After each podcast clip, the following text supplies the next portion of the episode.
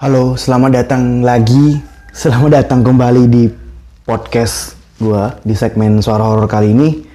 Kita bakal lanjutin part keempat.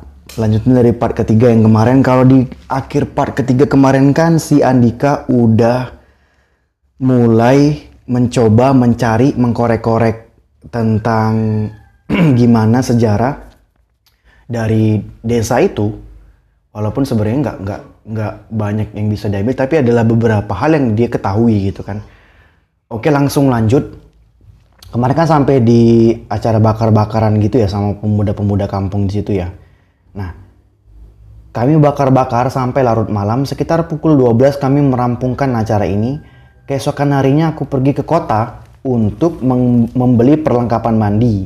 Kali ini aku hanya pergi sendirian. Sepulang dari kota aku berhenti di tempat aku melihat sunset awal dulu bersama Rika dan Asti. Oke, di part pertama ya dia lihat sunset itu. Aku berhenti di sana untuk menikmati pemandangan sebentar. Terbesit di pikiranku untuk menelepon bapak dan menanyakan kepada Simba tentang ini semua. Halo pak, kalimat pertamaku. Piengger, sehat toh? Gimana nak, sehat kan? Kata si bapaknya. Alhamdulillah Pak, Mbok nyuwun tulung takok ke Simba Pak, bab KKN Andika niki lho pun boten kuat gitu. Artinya tuh Alhamdulillah Pak, minta tolong tanyakan Simba tentang KKN Andika ini. Soalnya aku udah nggak kuat gitu. Telepon tiba-tiba terputus dengan sendirinya ah mungkin sinyal kali ya jelek gitu kan. Aku mulai menyulut gitu. Eh, sorry aku mulai menyulut rokok dan mengisapnya untuk menemani kesendirianku. Benar-benar begitu sejuk di pandang tempat ini tak beberapa lama bapak kembali meneleponku tapi kali ini suaranya berbeda. Le kata si bapaknya. Suaranya bergetar tuh. Simba sautku cepat. Saat itu juga jantungku berdegup sangat cepat gitu. Iya Burioma sing tok nggoni saiki kuwi ana uwit gede ning le apa nih negara waton dadi ora nganggo syarat apa-apa. Omah sing tak nggo kuwi ya ora ana pagere to mula saka kuwi omah iki ya dinggo dalan mlebu metu barang raketok ngerti maksud desimban jadi artinya tuh jadi artinya, iya, belakang rumah yang kamu pakai sekarang itu, yang ditempatin itu, ada pohon besar tapi ditebangnya ngawur. Dan nggak pakai syarat apa-apa gitu. Rumah itu juga tidak punya pagernya kan? Maka itu rumah ini dipakai untuk perlintasan gaib gitu. Perlintasan makhluk-makhluk yang nggak kelihatan gitu. Paham kan maksud mbak? Simba menjelaskan detail rumah ini. Pertanyaan gua, oke stop bentar ya dari mana simbahnya kok bisa tahu tentang kondisi rumah yang sedang ditempatin sama mereka ini? Dalam kondisi mbaknya kan nggak tahu kan nggak ke situ kan?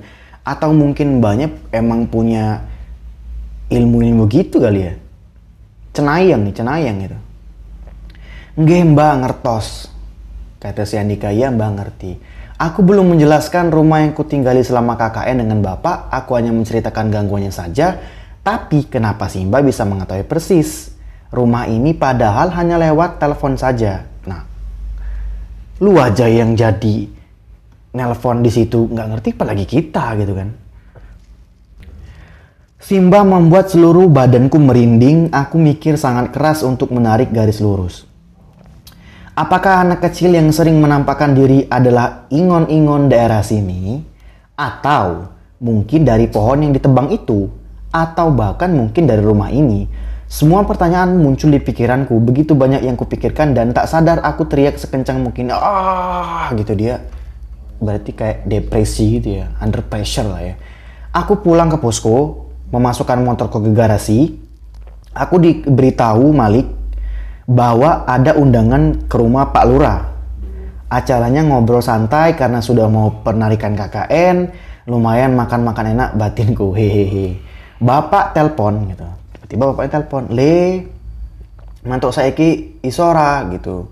Pak D Pak Deko sedo? Gitu. Nak bisa pulang sekarang nggak? Gitu. Pak Deko tuh meninggal gitu. Innalillahi Pak D Nge Andika mantuk Pak. Gitu. Iya Andika pulang katanya sing ngati-ngati wis wis surup. Eh, hati-hati kalau sudah menjelang maghrib. Gitu ya. Pinta si bapaknya. Aku izin kepada Malik untuk pulang karena Pak D meninggal. Aku terpaksa tidak bisa ikut menghadiri undangan Pak Lurah. Aku packing sesegera mungkin dan langsung OTW sendirian. Jalan sudah sangat gelap, aku hanya mengandalkan lampu motor saja. Alhamdulillah aku sampai rumah dengan selamat. Yang ada di pikiranku saat ini adalah keselamatan teman-teman di posko karena siklusnya jika aku tidak ada di rumah, mereka, maksudnya dalam tanda kutip, pasti akan datang. Semoga kali ini mereka aman di sana. Doaku dalam hati. Teman-temanku berangkat berlima ke rumah Pak Lurah menaiki motor. Rika dengan Malik, Mia dengan Asti, dan Ivan sendirian. Aku mendapat cerita ini dari Asti. Kejadian puncak yang pernah kita alami selama KKN di dusun itu, maksudnya di dusun JB apa nih Jebean Kidul, awal perjalanan menuju rumah Pak Lurah. Aman tuh, aman. Awal menuju rumah Pak Lurah kan aman nih. Acara juga udah berjalan lancar, jalan yang mereka lalui adalah jalan Dabia karena kalau mau lewat jalan lain mau makan waktu hampir satu jam artinya harus muter jalan tuh kan nah sedangkan kata si pemuda tadi masyarakat situ juga nggak mau lewat Dabia ini lebih lebih milih buat muter jalan gitu tapi mereka berenam mutusin buat lewat Dabia itu oke terus pulangnya posisi Ivan di depan sendiri Rika dan Malik di tengah dan Mia dengan Asti yang paling belakang Ketika lewat Dabia itu, Ivan mengendarai motornya dengan ngebut. Rika berusaha ngelakson Ivan supaya mengurangi kecepatannya. Bukannya tambah pelan, justru Ivan nambah ngebut. Rika mengejar Ivan dan terus mengelaksonnya. Mia juga ngelakson. Rika dan Ika ngebut, Rik, sorry, Mia dan Rika ngebut. Jadi tiga motor yang saling ngelakson dan mengendarai sepeda motornya dengan kecepatan penuh. Sesampainya di posko, Van, kowe iki tak klakson no, larung kok nopo? Artinya tuh pan kamu tuh di klakson gak denger apa gitu. Diem aja gitu kan. Omel si Rika dengan nada yang sangat marah. Kowe orang ngerakson gitu. Kowe tuh gak ngelakson Rik gitu. Kamu tuh gak ngelakson gitu. Loh, sedangkan kan si si Rika kan udah ngelakson ya, tapi si sependengaran si Ivan tuh dia nggak ngelakson gitu. Saat Rika memarahi Ivan terlihat mata Rika memerah. Rika marah dan langsung masuk kamar. Terjadilah salah paham antara Rika dan Ivan. Tak beberapa lama Rika keluar kamar dan menghampiri teman-teman yang lain yang sedang duduk di ruang TV. Aku wes ora kuat. Kata Rika dengan lemas. Aku tuh aku udah nggak kuat katanya. Jadi ketika dia mengucapkan itu sontak teman-teman kaget. Lah lapo? Kue ki orang kuwi gitu. Awake dhewe wis arep penarikan Rik gitu kamu kenapa kamu jangan gitu gitu kita tuh udah mau penarikan maksudnya udah mau selesai KKN-nya gitu saut si Asti Rika tiba-tiba langsung duduk di bawah dengan posisi bersila kedua telapak tangannya di atas lutut persis gupala suaranya berumah berubah nih berubah menjadi kan kak tipe berarti dia berubah menjadi suara laki-laki Rika menjerit dengan keras Wah gitu-gitu ya ceritanya. Pak Bambang yang mendengar suara itu langsung menghampiri kami. Anak-anak tidak ada yang berani mendekati Rika. Pak Bambang shock melihat Rika menjadi seperti ini. Lalu Pak Bambang memegang pundak Rika. Sopo kue? Gitu. Rasa nganggu anak-anakku sing KKN yang gini. Artinya itu siapa kamu gitu? Jangan gangguan anakku yang KKN di sini kata Pak Bambang. Bocah-bocah ikiran duwe totok romo anak-anak itu nggak punya tata krama kata si demitnya itu kan lah gue iki sopo cari Pak Bambang kata Pak Bambang itu ini siapa? Gitu kan. Masih berusaha nanya gitu. Kowe ora peduli? Oh, kowe itu ora, ora perlu ngerti aku sopo gitu kan. Sing baku bocah KB ki ora bakal iso metu sak kene sorry seko kene gitu. Sambil ketawa tuh. Jadi e, kamu nggak perlu tahu aku siapa yang penting mereka semua nggak bakal bisa keluar dari daerah sini. Gertak makhluk yang di dalam tubuh Rika ini. Kan kan kesurupan ya. Rika kesurupan situasi menjadi sangat tidak kondusif. Teman-temanku menangis mendengar perkataan itu gitu kan. Pikiran mereka kala itu pasti mati tuh di dusun itu gitu. cepet atau lambat gitu kan. Pak Bambang sadar bahwa teman-temanku merasa ketakutan kemudian berkomunikasi dengan Rika melalui batin entah apa yang dibicarakan Pak Bambang dengannya, Rika langsung tergelak di lantai, tergeletak, sorry. Pak Bambang membantu Rika duduk di sofa dan diambilkan air hangat. Sesu meneh, nek numpak motor ora banter-banter. Apa meneh wayah wengi gitu. Besok-besok kalau naik motor tuh nggak usah ngebut-ngebut gitu. Apalagi kalau malam hari. Kata Pak Bambang kepada anak KKN Anak KKN malah pada saling tuduh dan saling menyalahkan satu sama lain. Mereka ngebut karena ada alasan bukan karena apa-apa. Saling tuduh, saling mengumpat dan yang terpojokkan adalah Ivan. Karena Ivan paling depan sendiri. Aku rakrungu suara klakson Caigi. Maksudnya itu aku nggak denger suara klakson mereka gitu, suara klakson teman-temannya ini. Jelas Ivan seperti orang ketakutan dan sangat panik. Sing lakson kowe motor loro. Lo Van, iku lo. Ra mungkin kowe ra krungu gitu kan yang klakson kamu ini dua motor loh, bukan satu motor gitu kan. Gak mungkin kamu gak denger bentak si Mia. Udah dibilangin sama Andika jangan asal-asalan kalau di sini, Van. Kuping kau tahu, kuping kau tuh gitu. Maksudnya tuh jangan asal-asalan gitu kan. Masa nggak denger gitu kan nek Arab ya ini nek Arab ya ini orang yang kene fan gitu. Iki udah daerahmu mangkeli marai celoko sak posko itu goblok! Kalau mau galugalan tuh jangan di sini pan gitu. Itu bukan tempat kamu bukan daerahmu gitu. Bukan ruang lingkupmu gitu kan. Jengkelin gitu kan. Kok bikin celaka satu posko nih gitu Ivan memojok di sudut ruang meringkuk badan dan menangis. Ia tak tahu harus bagaimana karena memang tak mendengar bunyi klakson itu. Kalaupun dengar, Ivan pasti akan menoleh ke belakang dan melambatkan motornya. Karena Ivan takut mukanya Ivan sedikit, makanya Ivan sedikit ngebut di Dabia. Bukannya mau ugal-ugalan, Rika mendengar teman-temannya yang menyalahkan Ivan berusaha bangkit dan menengahi.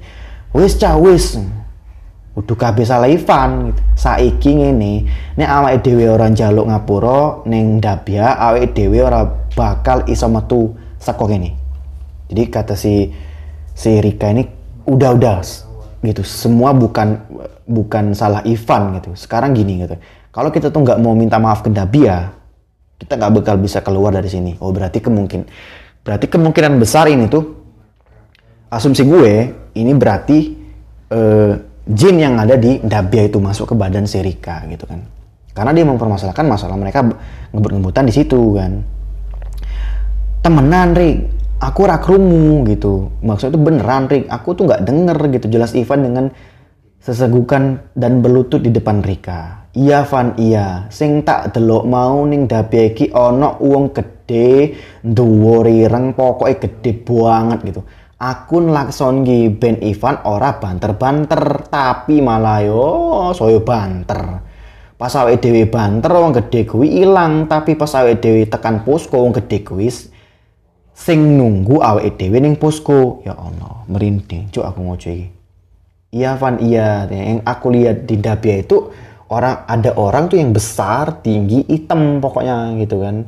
Nah pas aku ngelakson Ivan tuh biar Ivan tuh berhenti gitu. Biar, sorry bukan berhenti, biar nggak cepet-cepet, biar nurunin kecepatan motornya. Tapi yang ada malah Ivan nambah cepat gitu kan, nambah nambah ngebut gitu. Nah, ketika si kita cepet gitu kan, orang yang gede ini, orang yang besar ini tuh hilang gitu. Tapi pas kita udah sampai posko, ternyata orang itu udah udah nunggu di posko.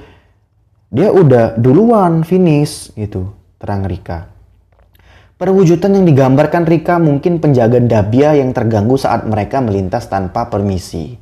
Rika mengatakan bahwa yang ikut ke posko saat sudah melewati Dabia banyak sekali. Makanya Rika bilang sudah tidak kuat. Oke, okay, make sense.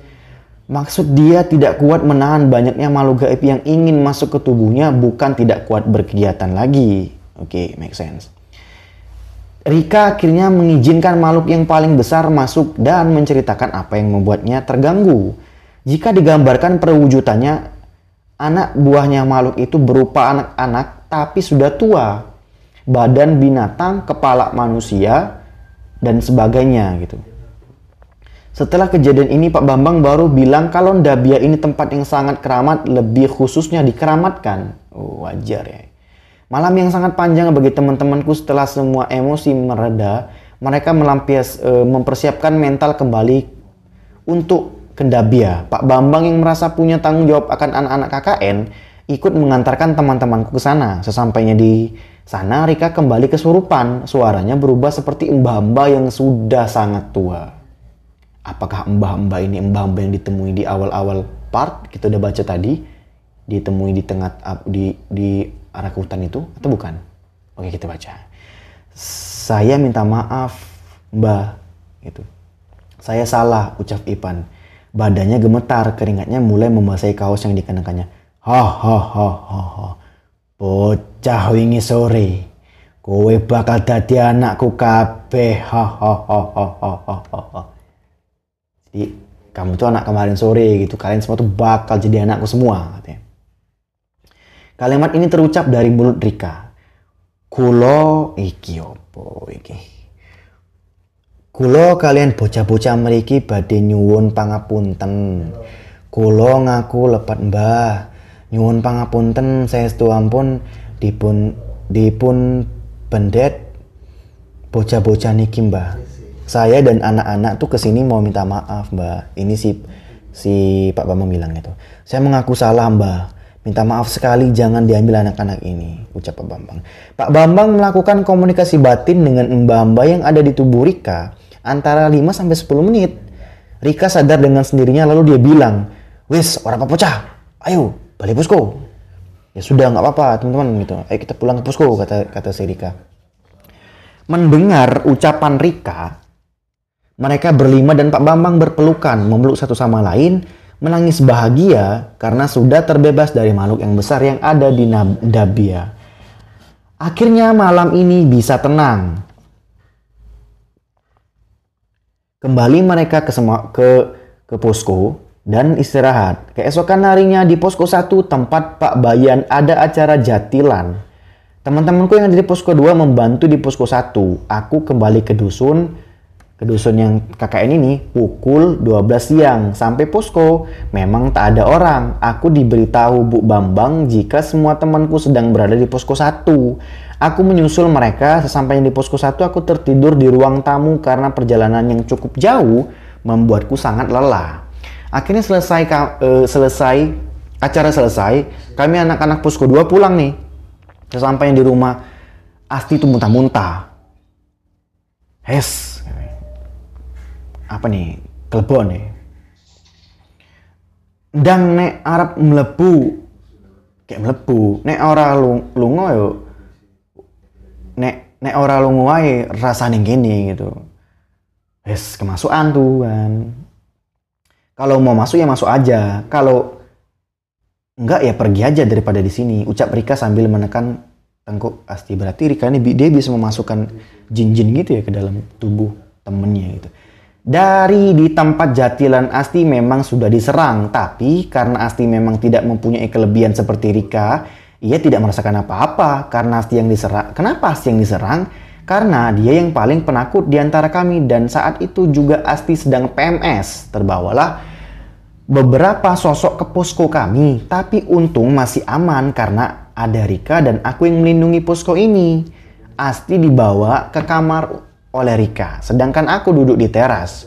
Untuk menemani malam yang syahdu, aku membuat secangkir kopi. Rika mendatangiku dan menceritakan pengalaman yang lain. Eh, sorry, yang ia alami di Dabia. Ya shock lah aku. Aku tak mempunyai firasat apa-apa saat di rumah dan teman-temanku mengalami gangguan ini. Rika lanjut bercerita, aku ingin diceritai Mas Gepeng Jari DE sorry, jari pas DE Arab nemoni kowe ke lapangan kai DE wis tekan tekan ngarep poskone kita terus puter balik. Aku nemen aku kemarin diceritain sama Mas Gepeng kata dia waktu mau nemenin kamu dia udah sampai depan posko terus dia putar balik. Oh, jadi ternyata Mas Gepeng ini mau nemenin nemenin si Andika, tapi pas udah di depan posko terus dia pulang putar balik. Nah, lo lapo? Mergo aku Rono gitu. Kenapa? Karena aku udah nggak ada gitu, maksudnya udah nggak situ gitu. Waduh, mergo DE delok pocong de neng ngarep posko gitu. Ya Allah, cuk, cuk lapo, pocong iki mangkal nang ngarep posko, cuk, cuk. Bukan gitu kan karena dia tuh lihat pocong gitu di samping posko kita gitu. Baru saja aku sampai posko sudah dikejutkan dengan dua cerita sangat menakutkan seperti ini. Aku juga punya firasat takut tapi aku mengacukan itu semua. Karena derajat manusia lebih tinggi dibandingkan makhluk-makhluk gaib, semakin hari semakin dekat dengan penarikan KKN Senang tentunya karena penderitaan ini akan segera berakhir. Kami membersihkan kamar, membuang barang-barang yang sudah tidak terpakai. Biasanya yang membakar Biasanya yang membakar sampah di belakang rumah adalah anak-anak cewek. Tapi kali ini aku yang ditugaskan membakar sampah dengan Malik. Saat sampai belakang rumah, kutemukan bekas tebangan pohon seperti yang dikatakan Simba tempo hari. Oh, benar berarti. Aku baru mengetahui ini karena memang tidak karena memang aku tidak pernah ke belakang rumah dan Simba bisa mengetahui pohon ini hanya dari telepon saja. Antara percaya atau nggak percaya, tapi ini memang benar terjadi. Sehari sebelum penarikan, kita mengadakan perpisahan kecil-kecilan bersama Pak Bambang. Ya sekedar makan-makan gitu di posko. Selesai makan-makan aku basa-basi mengajak ngobrol Pak Bambang. Pak, nek dusun Jeban Kidulik. Kali jebah apa nih? Kali jebahan lor, ini kok beda toh gitu. Pak kalau dusun Jeban Kidul sama Jebahan lor itu beda ya gitu. Beda le gitu. Ket biyen dusun dewe ki ora tahu aku karo Jebahan lor. Lah, penguripane koyo pe- penguripane kono yo do sugi-sugi margane do ngingu gitu beda gitu dari dulu dusun kita ini apa ya agak pernah aku apa nih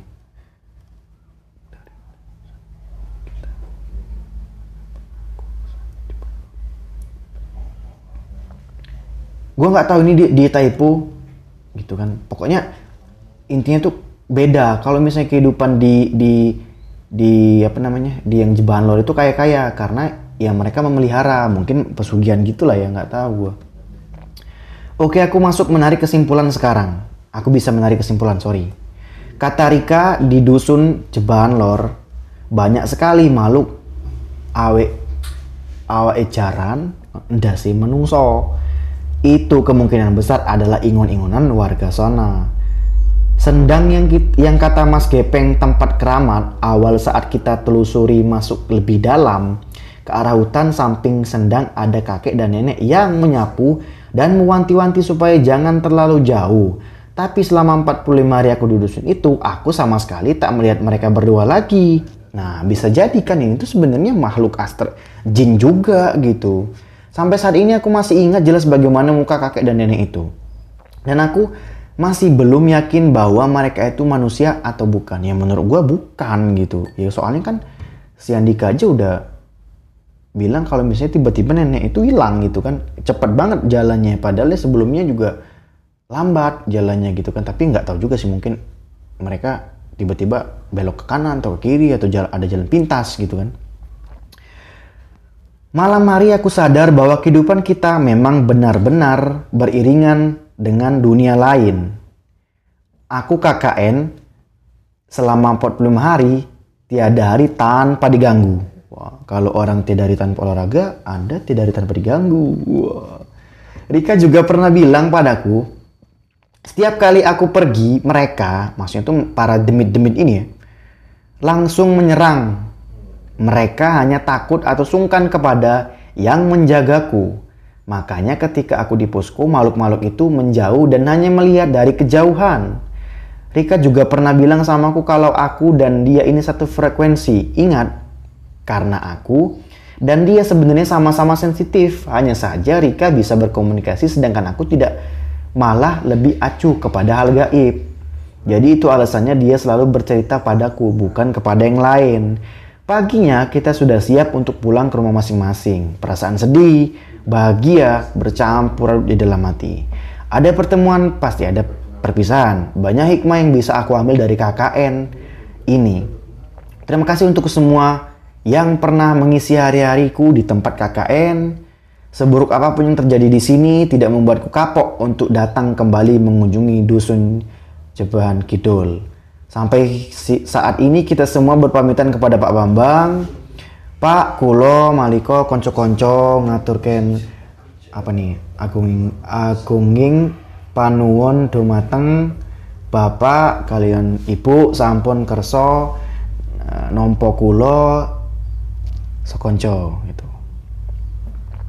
Kulo ugi nyuwun pangapunten Mbok pilih angin kulo sekonco wonten. Wonten mriki kadah kalepatan saha damel kuciwaning mana bapak saha ibu. Kulo sekonco nyuwun pamit pak gitu. Artinya untuk sa uh, saya mewakili teman-teman mengucapkan banyak terima kasih kepada bapak dan ibu karena sudah mau menerima kami. Saya juga meminta maaf apabila kami di sini banyak berbuat salah dan membuat kecewa bapak dan ibu kami pamit pak. Gitu. Ucapku kepada Pak Bambang dan Bu Bambang. Bapak karo ibu iku gur iso nyanggoni selamat yole do gitu. Mugio iso dadi bocah sing wasis prikel bab opo wae pesen bapak mung siji kudu empan papan. Salam dinggo bapak ibu ning yang dalam yo sing hati-hati. Hati itu bapak ibu cuman bisa memberi berdoa memberi doa gitu kan. Kok memberi berdoa? Memberi doa semoga bisa jadi anak yang serba bisa yang berguna lah ya.